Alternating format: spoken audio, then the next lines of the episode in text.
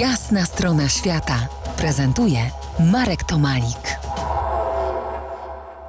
Dzień dobry, Jacku. E, witam, witam. Jacku, mieszkasz i pracujesz w Gdańsku, choć praca, którą wykonujesz, y, często zaprasza cię do podróży, o czym, o czym nieco później. Proszę powiedz nam, kiedy ostatni raz kąpałeś się w Bałtyku? Hmm, wydaje mi się, że w tym roku w sierpniu. Tak, tak, tak mi się zdaje. O, ostatni raz, ale tylko raz mi się zdarzyło, bo tylko akurat wtedy miałem okazję.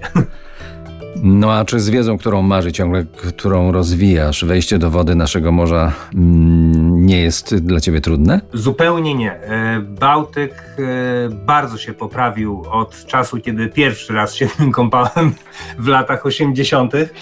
E, Naprawdę jakość wody w Bałtyku bardzo poszła do przodu. Są oczywiście problemy, ale raczej nie zagrażają kąpiącym, bo są zlokalizowane raczej głębiej. Po jasnej stronie świata profesor Jacek Bełdowski, kierownik pracowni współczesnych zagrożeń ekosystemów morskich w Instytucie Oceanologii Polskiej Akademii Nauk. E, Profesor zajmuje się badaniami składowania broni chemicznej na głębi bornholskiej i innych bałtyckich głębinach już od 2011 roku. Zanim rozwiniemy temat czy tematy zagrożeń, proszę przybliż nam tereny swoich podróży związanych z pracą, bo to nie tylko Bałtyk, jak długi, szeroki i przede wszystkim głęboki. Moje podróże związane z pracą w zasadzie dzielą się na podróże y, takie ekspedycyjne, gdzie zajmuję się badaniami, to są rejsy, i podróże związane z konferencjami, no to już się wtedy podróżuję po całym świecie.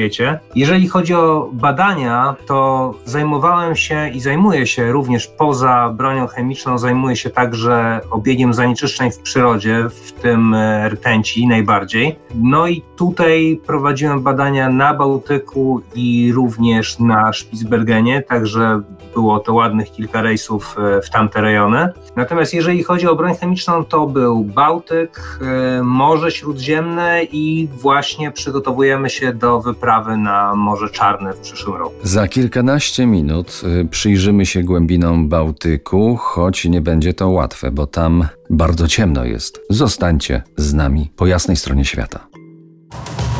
To jest Jasna strona świata w RMS Classic.